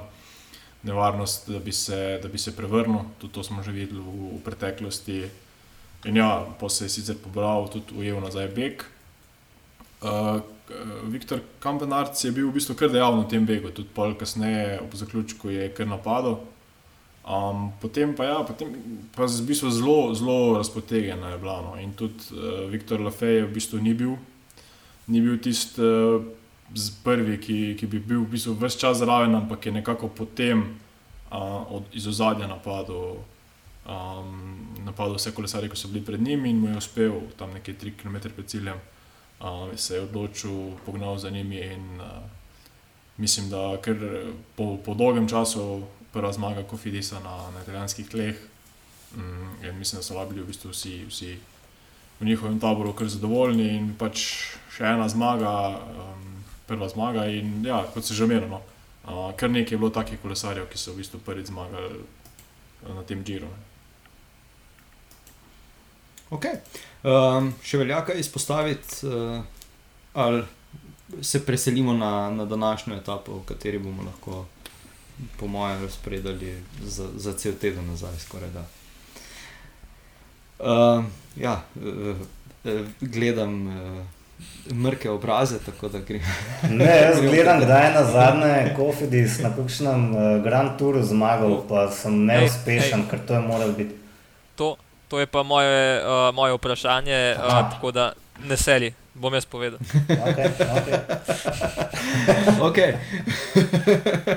torej, uh, v današnji etapi uh, ni štartal uh, Tomaš Marčinski, ki pa je utrpel posledice uh, COVID-a, uh, torej okužbe s COVID-om, uh, skoraj pol leta potem, ko ga je prebolel.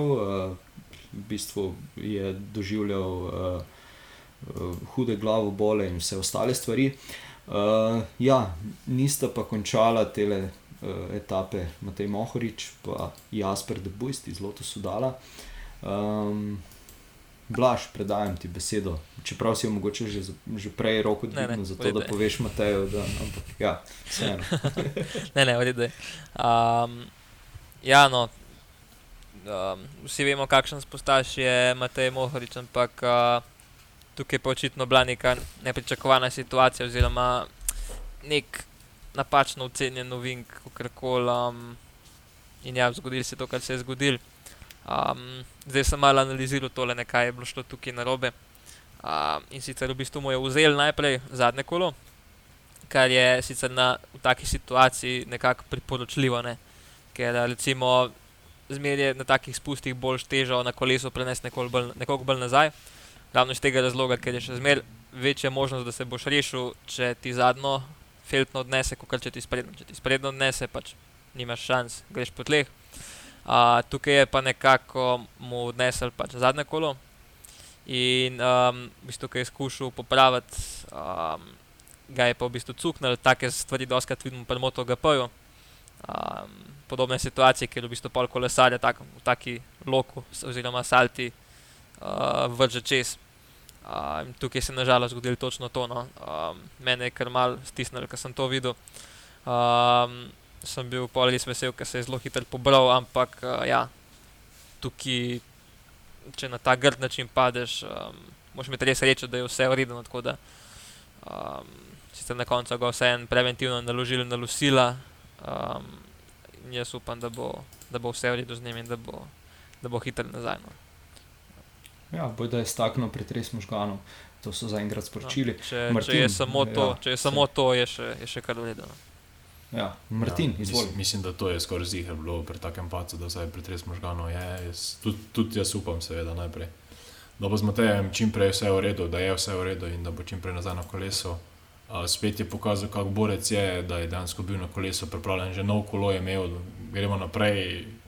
Tudi hvala Bogu, da so zdaj ti preventivni ukrepi takšni, da pač enostavno po takem udarcu v glavo se ne igrajo več, ker vemo, da tudi v preteklosti so se tudi kakšne smrti dogajale zaradi tega. Um, kar pa sam tega paca tiče, pa res jaz sem bil pač res šokiran, neverjetno se mi je zdelo, pač to je bil, to je izgledalo kot katapult. Um, res tako, tako je v bistvu Blaž rekel, najprej začel drseti uh, v bistvu z blokirano zadnjo gumo in potem pa kot da bi vem, ali, ali pritisnil na, na sprednjo bremzo na polno ali pa da mu je dejansko vzel uh, sprednjo, sprednjo kolo popolnoma izstrelil ga je in ja, srečo je imel, oziroma če lahko temu tako rečemo, da ga ni dejansko nihče od ozadja povozil, da so bili tako prezni oziroma da je bilo to glih na spustu, ko je imel Matej glih mogoče pač že kakšen meter prednosti, da ni bil nekdo takoj za njegovo gumo. Ampak ja, tudi jaz sem bil, ker, ko sem to videl, sem bil kar nekaj časa. Pač, ono, um, upam, da je vse v redu, hvala Bogu, res je bolj tudi kar hitro pokazal, da se v redu počuti, da lahko stoji, da, da, da ni bilo nekaj hujše. Ampak ja, posledice pretresa možganov bo pa verjetno šele jutri pač malo bolj uh, opazne in ja, še enkrat na tem mestu Matejo čim hitrejše okrevanje. Um, ja, tisti, ki nimajo radi znamke, bojo rekli, da je Merida kriva. Um, Blaž ne sme se tako. um, ampak ja, zdaj v bistvu razklalo je, uh, razklalo je vilice uh, na pol, torej, da tisti res gledalo grozno. Nekateri so celo pisali, da bi naj vmes še zadev s prednjim kolesom v neko luknjo, ki je bila ob cesti. Zdaj, ko so tisti helikopterski posnetki bili, je dejansko izgledalo, kot da je bila ena luknja na cesti, ampak ja, vse. Vedeli nikoli ne bomo, uh, zaradi tega, ker se ni točno videlo iz tistega prenosa, oziroma ja, kako je v bistvu potekal tisti ovinek. Ampak, da se, da se premaknemo dalje, torej to je bilo 118-117 km do, do konca dirke. Kasneje pa se je kar stvar zanimivo razvijala. Um, Blaž, izvoli. Um, ja, jaz bi tukaj spet izpostavil, ja, da je kar dolg čas trajalo, da se je formiral ta pobeg. Um, med drugim se je za napad odločil tudi uh, Damjano Karuzo, zelo zgodaj. Um, tako da, ja, očitno se je pri njegovih ne tako več rosnih letih, uh, še zmeraj zelo dobro počut. Um, in uh, ja, no, uh, očitno je lahko tudi navaden, mogoče še poleg vsega za, za kakšno spontano etapno zmago, to bomo še videli. Um, ja, na koncu tega pobega sta bila najmočnejša Bowman in pa en kolesar, a že do zelja, mi je pošlo iz glave, kater je bil. Um, je bil Aleksij Žužar, mogoče. Grošarja ja, uh, kako je? Ja, uh, francoska imena pa to. Uh, ja, in ujeta sta bila res zelo pozno. Um, tista situacija, ki eni navijajo za pobeg, eni navijajo, da bo zmagal en, en basic uh, GC contender. Uh, jaz sem tukaj navijal za pobeg, kako koli. Uh, na koncu je pa ja, Bernal uh, deklasiral vse v velikem slogu, spoh tisti makedamski zaključek zelo atraktiven. Um, ne vem, koliko so pa kolesari bili navdušeni nad tem, mislim, da nekoliko manj kot gledalci. Um, ja, sem pa že uh, tukaj, uh, Bernal, ne Bernal, pardon, uh, Remko, niti ni kasiral tok, 10 sekund, uh, sem pa že na Twitterju prebiral razne. Izgovore belgijskih medijev, da je to vse z namenom, da je to vse načrtno, uh, Remko tukaj kasira 10 sekund, uh, da pre, uh, prepusti to, ta pritisk na Bernala, tukaj ne vem, kako bo to držal. Ampak kako koli, no, ja, Remko tukaj v bistvu spet zelo dobro odpelo. Um, Čikone na drugem mestu, um, jaz od njega v bistvu pričakujem zmeraj več na tem džilu. Uh, in pa tudi vlasov zelo blizu. Uh, ja, pa Almeida spet deset in tudi on je bil zraven. Meni je škoda tisto četrto nesrečno etapo, ko je uh, povsem zatrukiral. Um, ker mislim, da bi nekje blizu se še vedno vozil, vsaj tam okoli deseterice, generalno. Um, ampak kar koli. Uh, ja. Še en zanimiv dan na Džilu. Ja, uh, Remko je bil v bistvu zelo slabo pozicioniran tam pri tistem uh, napadu uh, Egana Bernala. Uh, tako da je še jo dejansko dobro odnesel, no, glede na to, iz katere pozicije je v bistvu uh, prišel na četrto mesto. Uh, da se pa vrnem na, na tisti tvoj komentar glede te ceste, pa je v bistvu, mislim, mene spominjala bolj kot na areno, ne na cesto, kot da so pač včeraj se odločili, tukaj pa bi mi naredili cilj, pa bomo zravnali z, z, z, z, z kaj že, ne traktorjem. Z, Z bagerjem pa bo to nekako ta zaključna, zaključni kilometr. Tako da, tako da ja. Martin, povej. Uh, mislim, če se ne motim, je to smočišče. Um, uh, ja, res je. Uh, meni, je. meni je res bilo to všeč. No. Moram priznati, da to so neke take stvari, ki naredijo dirko še dodatno bolj zanimivo se strinjam, kolesarjem definitivno to ni toliko pogodov, ker je še ena od spremenljivk eh, več. V sredo bo, bo še ena podobna etapa, rečemo, vsaj v smislu eh, Makadama, uh, v bistvu strade Bianchi kopija. Um, kar se tiče pa še današnjega zaključka, pa ja, najprej tisti kilometr po tunelu, ko sploh ne veš, kaj se dogaja, ko se dirka začne v bistvu bolj resno odvijati, in pa potem tisti kilometr in pol makedonskega odseka, kjer te, mislim, da so naj, maksimalni nakloni tudi tam do 12-odstotni. Kar se tiče te, tega uh, končnega vrstnega reda, nekako po tem, kar smo videli, večjih presenečenj danes, mislim, da ni bilo. Um, dejansko, da Damiano Karuzo, mislim, da med te, to prvo deseterico bi bil še največji presenečenje. Čikone je že prej pokazal v prejšnjih etapah, da bo zraven. Remko pa tudi. Remko mislim, da je bil predvsej v slabšem položaju in je potem sam nekako zmanjšal tisto razliko do Bernala. Um, Bernal je superiorno, bi pa izpostavil, mogoče smo že pozabili prej, uh, sam sem že na dve, mislim, šesti etapi opazil odlično delo Džanja Moskona. In tudi danes je dejansko Džani Moskon uh, takrat na koncu pospešil, um, res tista razlika je padla. Uh, in uh, ja, uh, ko je pa Bernal potem napadel sam, je pa v bistvu tisti prizor, ko je šel mimo Baumana, zgledal dosti podobno kot pa Primožev, ko je šel mimo Mederja. No. Se mi zdi, kot da res je bilo to svetlobna reta razlike, kot da bi se Bernal uh, z električnim kolesom peljal na nek klanec mimo enega rekreativca. Uh, in ja, v velikem slogu nekako dobil. Um, sem pa tudi bil kar presenečen, koliko je bil tam Makedon utrjen. Že prej je Berni Aizel govoril o tem, da ta Makedam naj ne bi povzročil teh predrtih zračnic, pa to, da je v bistvu dosti kompakten, tudi mogoče zaradi dežja.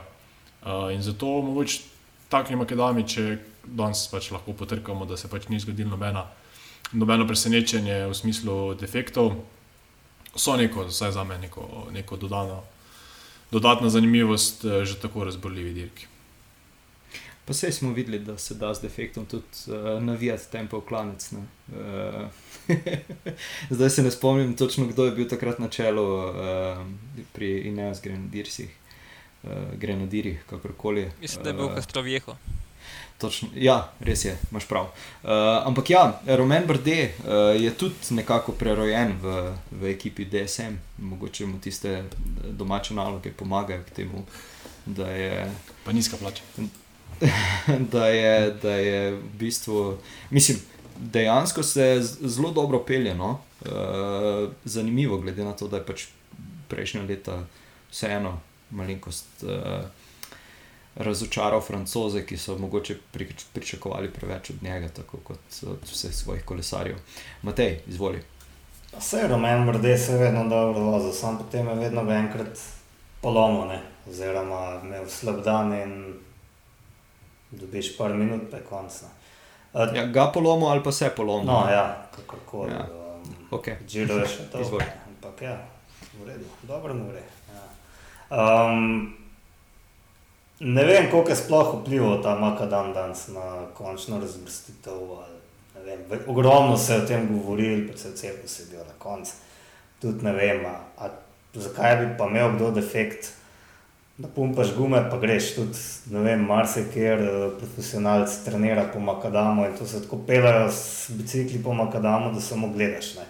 Jaz spomnim, da sem enkrat za Luko Mezgec preletel na Makadam na neko delo na cesti, meni je sem krmilo držal, mi, ga mi je obrnilo ga dol, s tako silo smo preleteli na ta makadam. Tako da ni nič, ne. Zdaj, malo lažje je najbrž, če imaš um, službeno kolone, kot če greš s svojim domačim. Um, pa fante, mislim, da se znajo voziti po makadamu. Zdaj, tako kot ga je Bernal gor pohodil, je mene čudil, da, da je zadnja guma sploh prijela. Ne.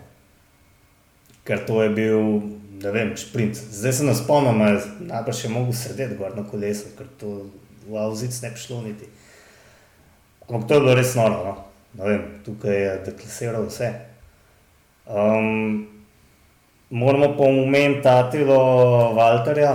Zmer pozabim, kako mu je ime, pa kako se piše. Mislim, da mu je ime Atila. Ne? Ja, res. Ja, tako kot tistemu zavojevalcu. Um, tokrat ni zavojeval tega klanca, ampak že, um, mislim, da že včeraj je dosti slabo zgledal. No? Um, vozil se je, ni deloval kot nekdo, no? ki bo na koncu končal v deseterici in tudi danes ni bil tam, kjer bi ga pričakovali. Um, zdaj gledam, kjer je zdaj v skupnem. Um, ja, še vedno peti, ne?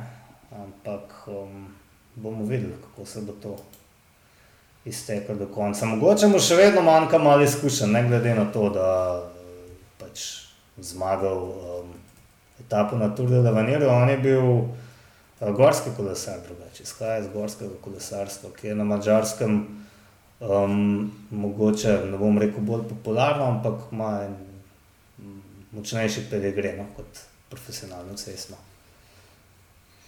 Toliko.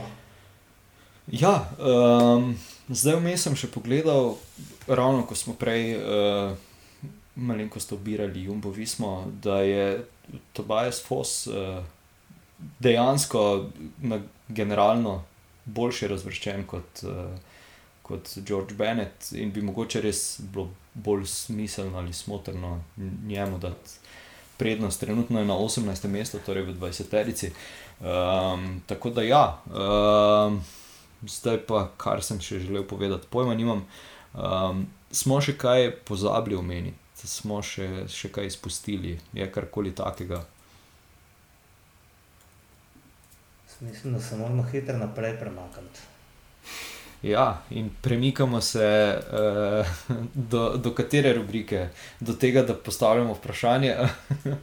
ali eh, še tistega, o katerem se ne, ne govori, uh, omenimo. Oziroma, ne, tisto je Lance Armstrong, uh, buhanja, sem mislil, da ne bo kdo. Ne bo. uh,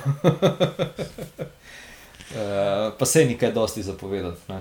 Ne, je zapovedati to, da meni spet ni jasno, zakaj je dobil um, več kot štirikrat manjšo kazen kot Dylan Grunewegen. Dylan Grunewegen je bil zato da je nekoga potisnil v ogrado in povzročil padec, kaznovan uh, z devetimi meseci suspenza, Nasr Boani z dvema mesecama za popolnoma enako, um, ali pa kot smo ocenjevali v enem od prejšnjih podkastov, zelo bolj agresivno potezo. Um, edina razlika je v tem, da je bila teža posledic v tem drugem primeru manjša. Še vedno so pokale kosti. Um, ampak še enkrat, ne bi smel kaznovati glede na težo posledic, ampak glede na dejanje. In ne vem, kakšna je prava kazen, mogoče pa prava, koliko dva meseca je dolgo, ne? ampak um, zakaj potem Dylan Grunewegen dobil več, ne vem.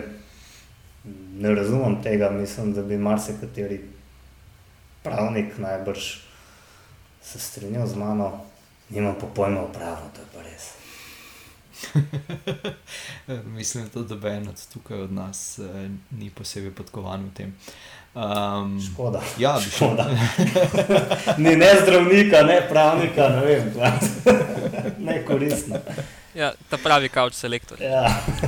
ja, gled, to pa je. Ja. Uh, še, še bi kdo odvajal, kaj dodal temu, ali gremo na vprašanje, oziroma na, na naša. Um, ja, mislim, da smo za ta teden obdelali vse, kar se da, vsaj z moje strani. No. Um, ker Džilo je pa še dolgo, no, bomo dosti materijale, še bomo še dosti lahko kritizirali, opravljali in uh, komentirali. In hvalili, tudi pohvalno koga. Tudi, tudi med drugim. Vse tu pa tam zgodi. Ja. Okay, uh, bom si kar vzel jaz pravico, pa bom tudi tokrat uh, tisti, ki prvi postavi vprašanje. Um, dejstvo je, da, da bom ostal na, na Giro d'Italia. Torej, um, morda kdo ve, morda je kdo slišal, da se je podeljevala še dodatna majica na Giro d'Italia. Katera majica je to bila, Um, ve mogoče kdo. A je bila majica za najboljšega italijana. Ne, uh, ja, za najboljšega italijana generalno, ne, je- imam prav. Ne, A bom je pa popravil vprašanje, ne? torej kakšne barve. Tako bom, bom raje tako rekel. Ja, ni tako, da so črno dejansko podeljevali nekaj časa. Bravo. So ne, ampak zdaj ne me sprašujete, kdaj kdaj. No, okej. Za najslabšega, za najslabše uvrščenega v generalnem seštevku. Ker to ni nujno, da je najslabši na dirki. ne. Si na jasno. Res je. Uh, ja, in uh, v bistvu Malja Nera je bila, uh, torej črna majica, je bila podeljena kot simbolična nagrada uh, na Giro d'Italia, ki jo je prejel tisti, ki je kot zadnji končal dirko. Uh, bila pa je dodeljena med letoma 1946 in 1951. Uh, v bistvu je pa tekmovanje za to majico prišlo iz časa, ko je italijanski nogometaš uh, Giuseppe Ticoceli, upam, da sem prav prebral, nastopil na Giro d'Italia leta 1926 kot neodvisen tekmovalec. Zanimivo, to bi jaz se tudi preizkusil na, na Giro. Uh, torej, takrat je nosil svoj črn dres, uh, torej svoje nogometne ekipe, uh, Kasale.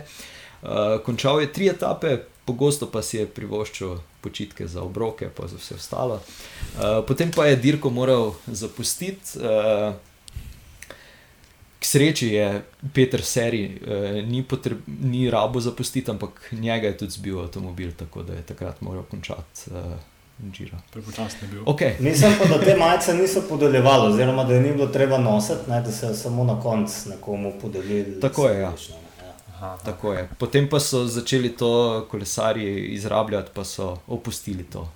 Uh, zaradi tega, ker so potem se skrivali, bojo v grmovja, pa vse ostale stvari. Tako da, ja. okay, uh, kdo bo naslednji postavil vprašanje? Blašne, kot vedno. Tako, izvolj. Seveda. Um, ja, kot je prej že Matej uh, načel moje vprašanje, sem, uh, sem vesel, da sem ga še ta prav cajt ustavil. uh, ja, no, Kofidis, evo, lan, mislim, da prvič, oziroma po dolgem času, spet v Proturu. Uh, in sicer ne slovi kot ena ekipa, ki serijsko zmaguje dirke, etape, kako koli. Ampak na vsake tok cajt jim pa uspe in uspeli jim je recimo tudi včeraj. Zdaj pa moje vprašanje, kdaj je na zadnje ekipa Kofidisa zmagala etapo na Džiru? Aha, na Giro celo. Priznam, da Katerega leta? Ok, pa, pa lahko še povem, kdaj na Grand Touru. Okay. Ampak ok, moje vprašanje je, kar se tiče Džira. Se mislim, da je isti odgovor, da ne vem, nas ne ve. Da. jaz pojma nimam. Karkoli bi rekel. Mislim, niti se ne spomnim, zdaj, kdo bi recimo bil kandidat na splošno. Mislim, da je Giro verjetno še dlje. Um, tudi na splošno, pa zelo za kofidis ne bi. Okay. Jaz bom rekel 2004. Evo. Mislim, Pa na dirki po Franciji bi skoraj rekel, da je bila zadnja, zadnja njihova zmaga na, v, v Uh, Grand Touru, ampak ja, uh, zadnja njihova zmaga je, na Džiru je bila leta 2010, uh, ko je zmagal Damien Monnier, če sem pravilno tole izgovoril. Uh, sicer to je bil njegov največji uspeh kariere, na pol ni kasneje dosegel nič več, kaj je tazga odmevnega. Uh, ampak ja, no, tukaj mu je pa uspel en lep rezultat. Um, potem pa ja, pa, je pa res tukaj tudi na to velja omeniti, da ni uh, Kofidis nastopil na vsakem Džiru, ker prej so bili kot prokontinentalna ekipa in niso, niso bili glih vsako leto na Džiru, to, to je treba omeniti. Uh, kar se pa tiče Grand Tourov, je pa uh, Kofidis na zadnje zmagal leta 2014 na Vuelti, ko je zmagal Daniel Navarro. Njega Mhm. mogoče večkrat bolj poznate. Res je.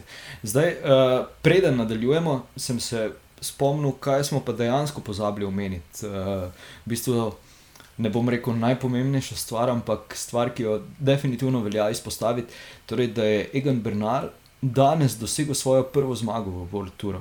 Uh, etap, mislim. na, oziroma ne, uh, Na, na Grand Tourih, Ja, pardon. etap- etapa, pardon. ne. Tako se, se, se popravljam.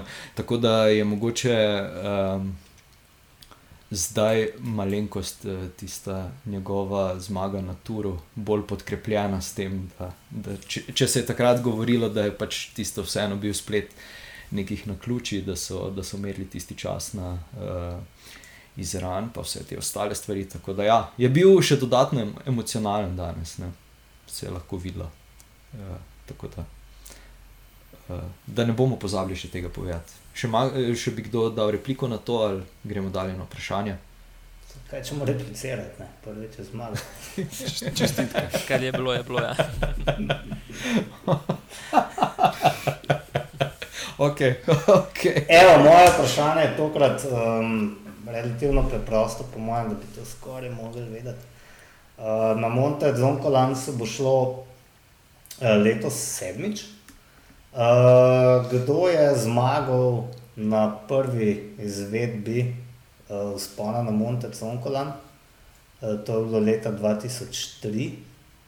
In uh, takrat se je prvič in zadnjič uh, gor spenjalo iz Sutrija, tako kot se bo tudi letos. Mm, Mislim, da to nekdo ve. Ja. je bil to Marko Pantani. To ni bil Marko Pantani. Marko bil Marko Pantani. Nikoli ni zmagal na Monte Zonkolanu. Mislim, pa, da je Ne, bil- pardon, opa, moja napaka. Ja. Mislim pa, da je bil blizu. No, da, da, ne, to je bil uh, Gilberto Simoni, ki je potem zmagal uh, tudi leta 2007, to je bilo v drugi izvedbi, tako da je bil praktično do leta 2010, ko je uspel Ivan Basu neporažen na Monte Zonkolano in je tudi edini, ki je uh, zmagal gor iz obeh strani, se pravi iz Sutrija in iz Zovara. Vsakemu čast. Škoda, da ni Fruman, Ja. da bi šel zdaj iz te strani še. Ok, ne bi ok, ne. vrhunsko. Niti slučajno ne gre. Zdaj tu šans. ni. Vemo, kdo bi bil drugi, ne šala. Mislim, če bi bil pa tukaj, drugi pa svaka. Ja, ne, pol pa, pol pa dejansko je. To bi pa res, eh, če bi gor rekel, da mu to pomeni toliko kot zmaga, ne, kar mi gre, vem, grede blazno na živce, če to kdo reče. Ne, ne, pa je to pa je res. Ne. To pa je- Šte, šteje, zmagal si. To, to. ok, Martin, povej. Um, Oziroma vprašaj. Ja, seveda, tudi moje vprašanje je vezano na Giro, ne? čudno bi bilo, če ne bi bilo. Ampak mene zanima, zdaj, če pogledamo trenutno generalno razvrstitev, je v bistvu med prvo peterico samo Giulio Ciccone ni hkrati tudi kandidat za belo majico. Lani je ta Gegenhardt osvojil obe majice, me zanima, kdo je bil zadnji pred njim, ki mu je uspelo to uh, združiti, te dve majici, se pravi roza in belo majico na dirki po Italiji. To pa bi rekel, da ni bilo zdaj. Uh, Ja, Moje vprašanje, spomnim, vprašanje zmagal nikoli ne grejo leta Damjanov. 1960. Sorry, kako? pardon. Moje vprašanje nikoli ne grejo kot Urošova A, v leto 1960. Jaz, jaz rečem, da je bil to Nairo Quintana. A je možno. Je čist možno, ker je pravilno. Aha. Še kjer ga leta mogoče. Bravo. Uh, Tisti let, ki je Mezgad zmagal, ne, se pravi, to je bilo 2014, po tisti mal spornem, tistem malo spornem spustu iz uh, Stelvija, ki sem že zanj govoril o tem, ampak v redu. Ja, res je. Takrat je dvojna kolumbijska zmaga, na drugem mestu je bil takrat Rigoberto Uran. Uh, in ja, let, letos skoraj da bi že.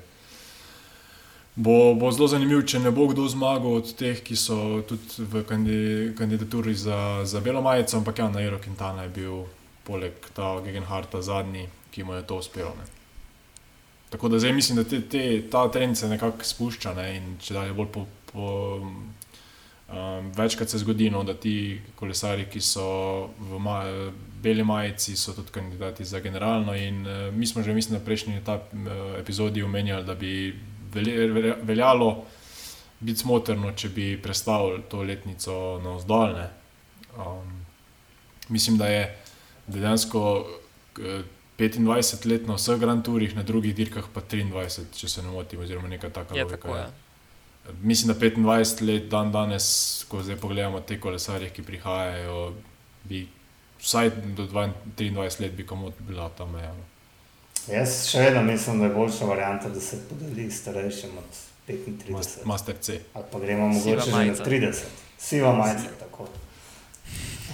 Ja, zdaj, jaz mislim, da dajemo uh, Pa ci- vsakič pa ci super plesaj, izhodišče vsem ostalim kavčarjem, da se pohvalijo pred, uh, pred svojimi prijatelji z, z temi trivialnimi vprašanji. A si vedel? Uh, tako da ja. Um, Danes smo, smo še malce podaljšali kot uh, vse ostale epizode, uh, pa rečemo, da je to zaradi tega, ker je jubilejna, pa ker dejansko je bilo treba ob- obdelati uh, sedem, sedem etap. Tako je, ni bilo dneva Ja, pauze vmes. Ja, ne. tako je. Uh, tako da, ja, še enkrat uh, bi jaz rekel, uh, zahvala za vsa naročila teh uh, majic, eh, Giro edicija, um, pa seveda vabilo k temu, da, da se še kdo opogumi, pa si jo naroči. Uh, in pa to, da se konec meseca uh, družimo v Ljubljani na Coffee Rajdu, uh, disko grupa, slash kakorkoli. Um, sem še kaj pozabil reči. Popravite me ali pa me dodajte uh, mojo misel ali pa karkoli. Jaz se strinjam z vsem povedanim. Zadev si bistvo, le kaj, kaj ne še Ja, ne.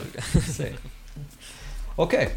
Um, če je to to, se slišimo ponovno uh, naslednjo nedeljo, ko pa bo uh, slovenska etapa.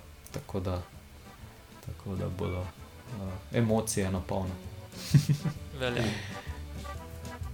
Čau, adijo. Živa. Adijo. Adijo. Čau. Čau. Čau.